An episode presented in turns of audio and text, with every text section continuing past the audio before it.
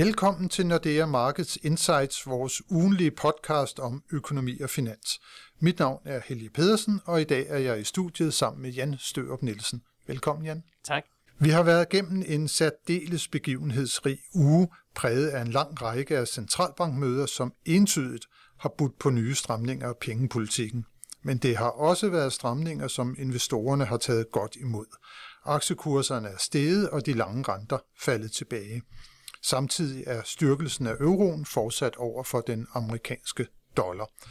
Og Jan, hvad er det lige, som investorerne har været så glade for i de udmeldinger, som vi har set fra centralbankerne? Jamen det er jo et eller andet sted lidt paradoxalt, fordi vi har jo fået renteforholdelse både i USA, i euroområdet, i Storbritannien, øh, men markedet forholder sig til, altså det var jo ventet, at de ville sætte renten op, og det markedet er så glade for, øh, det, er, det er specielt det her med, at, øh, at de signalerer, at de måske er ved at være i hvert fald tættere, de er kommet tættere på toppen på renterne, så specielt når man kigger ind i efteråret, jamen, så er de må, måske færdige med at skulle sætte renten op. Øh, så det er et eller andet sted det, som markedet de, øh, de håber og tror på jeg synes da, når man hørte for eksempel Christine Lagarde øh, i sine meldinger fra pressemødet, så var det da meget sådan determineret. Vi er langt fra færdige nu, og noget den stil, som hun øh, forsøgte på at overbevise øh, markederne. Ja, det er rigtigt, og retorikken, og det var det sådan set også for den amerikanske centralbank, retorikken er jo stadigvæk forholdsvis, øh, forholdsvis hård, øh, men de anerkender jo også begge to, at Øh, på et tidspunkt, så kommer de til ligesom at, at, at, at stoppe med de her renteforholdelser, og det er ligesom det, som markedet man vælger at se igennem øh, de kommende måneder, hvor vi, vi alle sammen godt ved, at der kommer flere renteforholdelser, og så begynder man ligesom at indstille sig på en verden ind i efteråret, hvor de er færdige med at sætte renten op, og med det samme så begynder man også at spekulere på, jamen hvornår er det så, de skal til at sætte renten ned igen?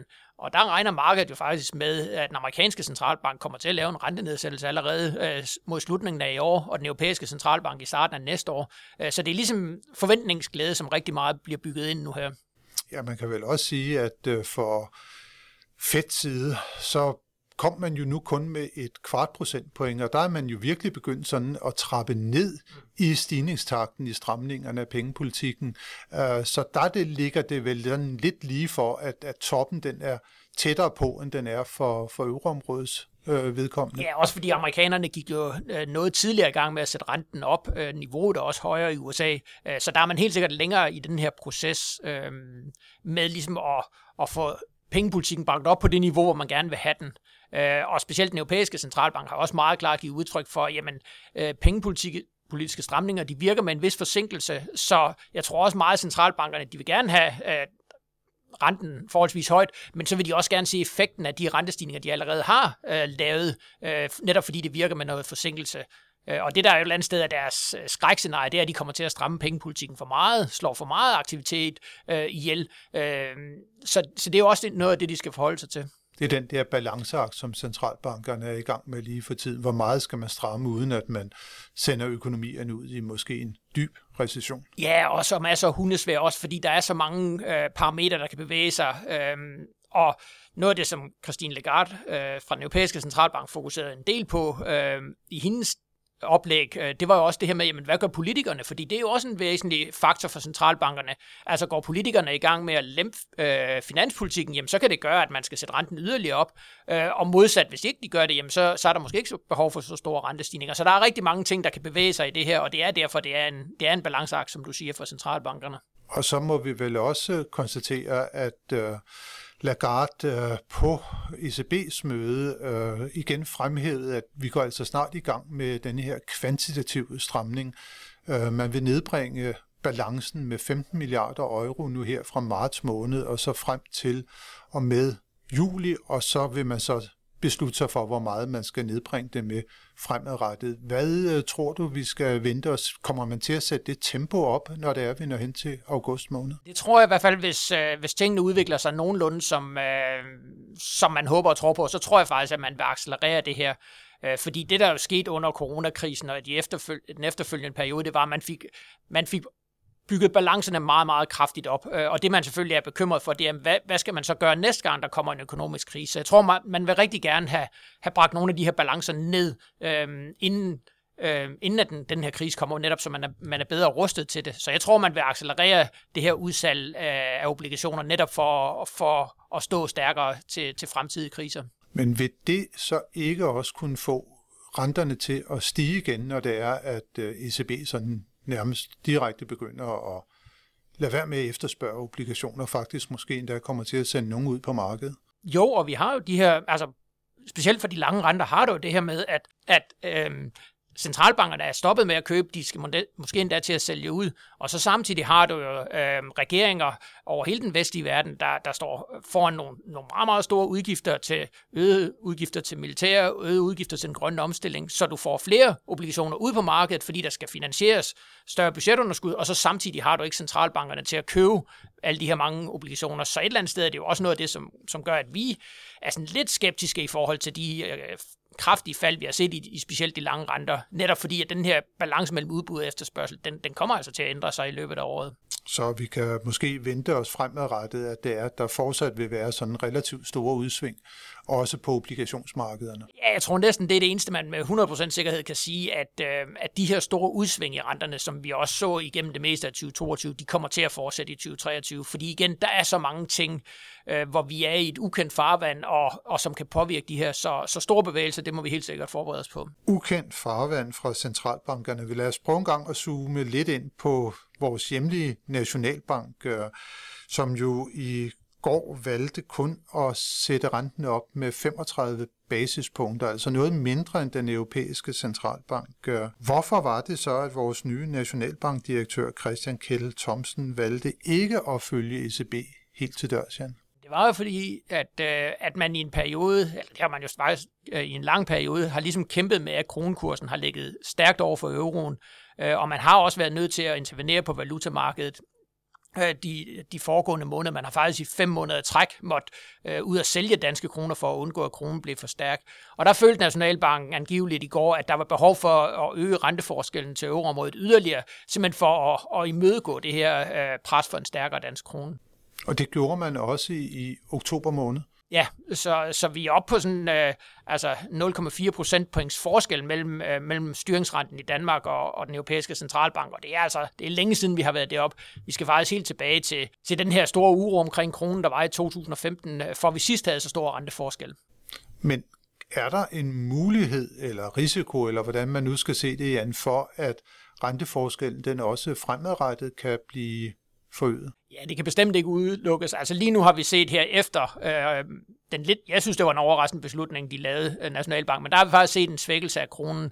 Men det så vi jo altså også i oktober, da de sidste gang lavede det her, så fik vi en svækkelse af kronen, men Øh, et par uger efter, jamen så øh, trak kronen igen stærkere over for euroen. Og jeg kunne meget vel forestille, når vi ser det samme mønster en gang til, øh, så vi får sådan et, et kortvarigt øh, lettelse, men så får vi igen en stærk krone, og så kan det bestemt blive aktuelt for, for Nationalbanken at, at skulle øge den her renteforskel endnu mere, end det vi ser lige nu. Nu var Christine Lagarde jo meget eksplicit øh, på mødet i går og nævnte, at på det møde, der ligger i marts måned, der kommer man til at sætte renten op med yderligere et halvt procentpoint.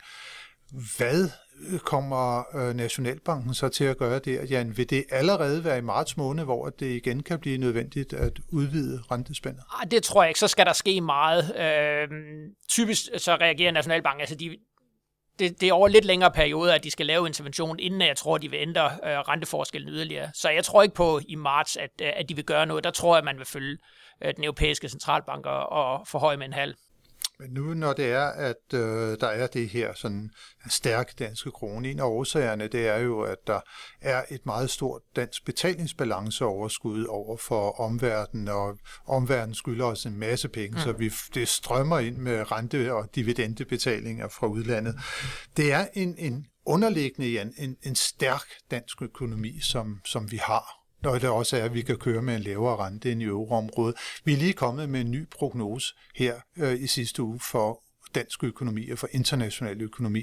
Hvis det nu er, at vi lige sådan skal tage og, og summere lidt op på, hvordan vi ser på udsigterne for Danmark, hvad er så hovedpointerne i den nye prognose på dansk økonomi? Jamen, jeg synes, der er, der er sådan to øh, grundhistorier. Den ene er, som du nævner, den her fundamentale position, vi har, altså bumstærk økonomi, meget stort overskud på betalingsbalancen, stærke offentlige finanser. Altså sådan, når du måler øh, sådan grundlæggende på dansk økonomi, jamen så står vi bare rigtig, rigtig stærkt. Øh, men når det så er sagt, så på den korte bane, jamen der, der ser vi ind i noget afmatning. Øh, vi har, at øh, vores BNP falder med, med en halv procent. Øh, I prognosen. I, ja, i, i prognosen. ja, I løbet af, af i år, men den afmatning, den, den tror vi sådan set primært finder sted her hen over vinteren og i, i det tidlige forår, og så, så, snar, eller så ser vi ind i sådan et moderat opsving bagefter. Men altså noget kortsigtet afmatning kan vi næsten ikke undgå. Øhm, også med den situation, vi har på boligmarkedet. Vi kan se noget som detaljsalg falder relativt kraftigt lige nu, så, så der er noget afmatning i gang. Øh, men igen, vi skal stadigvæk huske på, sådan fundamentalt set, så står vi bumstærkt i dansk økonomi. Nævnte du boligmarkedet. Mm. Der har vi allerede konstateret, at der har været tale om relativt betydelige prisfald siden toppen blev nået hen over maj-juni måned mm. 2022. Hvor langt øh, tror du egentlig, at vi skal ned på, på boligpriserne, før det er det mere stabil udvikling, den kan det vi ligesom har øh, lagt til grund, det er, at vi skal have priset mere eller mindre de stigninger, vi så under coronakrisen, dem skal vi have priset ud af markedet igen. Og det vil sige, når man sådan måler fra top til bund, jamen så skal boligpriserne falde med, med et sted mellem 15 og 20 procent. Øhm, vi tror, øh, enfamiliehus skal ikke falde helt så meget. Øh, der tror vi faktisk, at bunden bliver nået sådan, øh, i midten af næste år. Øh, til gengæld ejerlejlighedsmarkedet, der, der kommer også, fordi der kommer øh, effekterne af skattereformen, så der, øh, der tror vi faktisk, at priserne kommer til at falde igennem øh, hele 2024 også. Øhm, så, så altså, vi ser ind i noget, nogle yderligere prisfald på, på boligmarkedet. Det er, næsten, øh, det er næsten ikke til at komme udenom. Nu nævner du det her ejerlejlighedsmarked. Det er meget sådan et storbyfænomen i, i virkeligheden. Ja. Det er vel København og Aarhus, måske øh, Odense, der står for fald der. Ja, det er det. Øhm, og, og man kan sige, hvis man så kigger øh, tilbage i historien, så er det også der, hvor vi har set de første, største prisstigninger. Øh, så et eller andet sted, når man sådan, i et lidt større perspektiv, jamen, så handler det om, at priserne steg alt for meget der øh, under coronakrisen og efterfølgende, og det er nogle af de prisstigninger, der skal tages ud af markedet igen. Ja, for vi må konstatere, at renten og finansieringsomkostningerne ved at købe en ny bolig i dag er meget, meget højere, også end situationen var før pandemien øh, ramte Danmark. Hvorfor skal de egentlig ikke øh, falde til et niveau, der ligger lavere? Nu har du selv nævnt, at det mm. var voldsomme stigninger, vi ja. så, og måske også delvist uforklarlige, i hvert fald uholdbare, viste det sig. Hvorfor skal de ikke falde længere tilbage? Jamen, og det, altså, det kan heller ikke udelukkes, så det er sådan en af de her alternative scenarier, som, som man ikke kan helt se bort fra i dansk økonomi, specielt hvis vi kommer ind i en situation, hvor arbejdsløsheden sådan for alvor begynder at, at stige, jamen så, så kan vi godt få den her uheldige cocktail, hvor priserne skal, skal endnu mere ned end, end det, som vi har i vores hovedprognose. Øh, men igen, altså det gode ved, ved det danske boligmarked, det er, at altså det er jo slet ikke samme situation, som vi havde op til, op til finanskrisen. Øh, der har, man har strammet reguleringen langt, langt mere, end man havde dengang. Øh, så det vil sige, at boligejerne, i hvert fald som gennemsnit, står langt bedre rustet til at, at klare sig igennem den her periode. Øh, også selvom renterne er kommet markant højere. Øh, men igen, altså, vi kan ikke helt afvise, at, at vi kommer til at se endnu større prisfald, end det vi regner med. Det er i hvert fald spændende tider, som vi befinder os i. Nu nævnte du risikoen, hvis det var, at arbejdsløsheden den begyndte at stige kraftigt. Mm. Den er begyndt at stige lidt. Hvad er egentlig vores forventning til udvikling i arbejdsløsheden hen over vores prognose horisont, som jo dækker i år og næste år? Jamen det er, at vi kommer til at se yderligere stigning i arbejdsløsheden, og det er jo rigtigt, som du siger, nu har vi både i november og december set, at arbejdsløsheden er steget lidt, øh, men, men stadigvæk, når vi kigger i et, et lidt større perspektiv på det, altså vi har omkring 80.000 fuldtidsledige i Danmark, og det er jo stadigvæk et meget lavt niveau, øh, så vi kommer til at, at se arbejdsløsheden kravle højere igennem 2023, øh, i hvert fald sådan, som vi lægger op til i prognosen. Men stadigvæk en relativt god beskæftigelsessituation. Hvordan er det paradoks egentlig? Jamen, og, og, og det er jo lige præcis det her paradoks, øh, og der er også meget stor forskel på brancherne. Vi ser nogle brancher, hvor, hvor man virkelig mærker krisen, for eksempel bygge- og anlægssektoren, øh, noget af detaljsektoren. Altså der mærker man virkelig en markant lavere efterspørgsel, og der ser vi, at, at der kommer flere ledige. Men omvendt så har vi jo altså også andre brancher, som stadigvæk har det rigtig, rigtig godt, øh, som faktisk stadigvæk står og mangler arbejdskraft. Så vi har den her lidt paradoxale situation, at der, der er faktisk en del danske virksomheder, der siger, jamen de kunne godt bruge noget mere arbejdskraft, og så samtidig ser vi inden for andre brancher, at man, man lukker folk ud, og også i, lukker flere folk ud, end det man end vi tidligere har set. Ja, for hvis man bare ser på konjunkturbarometrene, så er det jo stadigvæk næsten hver fjerde danske virksomhed, der melder om, at det største problem det er, at man ikke kan få kvalificeret arbejdskraft. Og det ligger jo langt højere end det, som man ser i normalperioder. Ja. Ja, så en af de store udfordringer i løbet af 2023, det bliver at få flyttet folk derhen, hvor der rent faktisk er efterspørgsel efter arbejdskraft. Øh, men igen, det kan også bare være en, altså, det er, det er ikke så nemt, som, som det måske umiddelbart lyder. Hvis for eksempel du har, er ansat inden for bygge- og anlægssektoren, jamen, så kan der være et, et stykke vej øh, til for eksempel at omskole dig til at, at kunne træde ind for eksempel i den offentlige sektor. Det er i hvert fald en af de udfordringer, som den nye regering øh, også står over for, hvordan man løser de her mismatch-problemer, mm. som der angiveligt er på det hjemlige arbejdsmarked. Men sådan, hvis vi lige summerer, Jan, så der er en periode nu her, hvor det ser lidt øh, svært ud, men tingene de begynder sådan at, at blive lidt lysere igen, når det er, at vi kommer hen mod øh, slutningen af året det synes jeg så et eller andet sted øh, ser vi stadigvæk i hovedscenariet, at det er en naturlig afmatning efter en periode, hvor tingene har gået, gået for stærkt. Øh, men igen, risikoen ved sådan en afmatning er selvfølgelig, at, øh, at den bliver stærkere end det vi, øh, det, vi regner med. At det bliver sådan en selvforstærkende profil. Øh, og det er specielt den her boligmarked, som vi skal holde meget øje med, fordi det er faktisk noget af det, der kan gøre, at krisen bliver dybere end det, vi i hvert fald regner med, hvis boligpriserne kommer til at falde endnu mere. Ja, for der kan vi jo også lige her i afslutningen af vores snak omkring vores nye prognose sige, at vi jo rent faktisk har opjusteret vores forventninger til verdensøkonomien ret betragteligt. Mm. Vi lagde næsten et helt procentpoint til i forhold til vores septemberprognose og forudser nu, at verdensøkonomien i år kommer til at vokse med 3,2 procent. Det var 2,3 procent, vi lå på i september. Og der er det jo ikke mindst øh, de markant faldende gaspriser i Europa, der vil hjælpe tysk økonomi godt på vej, dermed også euroområdet, og så Kinas overraskende hurtige fulde genåbning af økonomien, som i vores prognose ligger 2 procentpoint ekstra til den kinesiske vækst i år. Så det vil også give et boost til øh, mange andre lande i verden. Så vi ser altså mere positivt på verdensøkonomien. Vi har lidt problemer herhjemme, mm. mere knyttet så isoleret set måske til, til udviklingen på boligmarkedet. Ja, også fordi, at, at vi herhjemme har klaret os markant bedre end mange andre lande i en lang periode, så derfor er, det, er vi lidt mere sårbare. Men igen, altså vi skal stadigvæk huske på, dybest set så handler det om, at der, det er en naturlig afmatning efter en periode, hvor det simpelthen er gået for stærkt. Og nogen vil måske endda kalde det for en velkommen afmatning. Ja.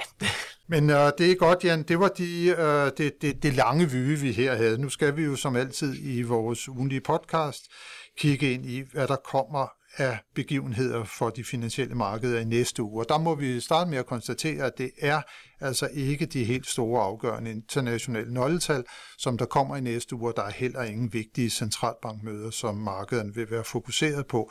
Men alligevel, Jan, så er det jo lidt en spændende uge, fordi der kommer jo inflationstal for Danmark for januar måned, og der er noget, som der har været fokus på, så har der været inflationen.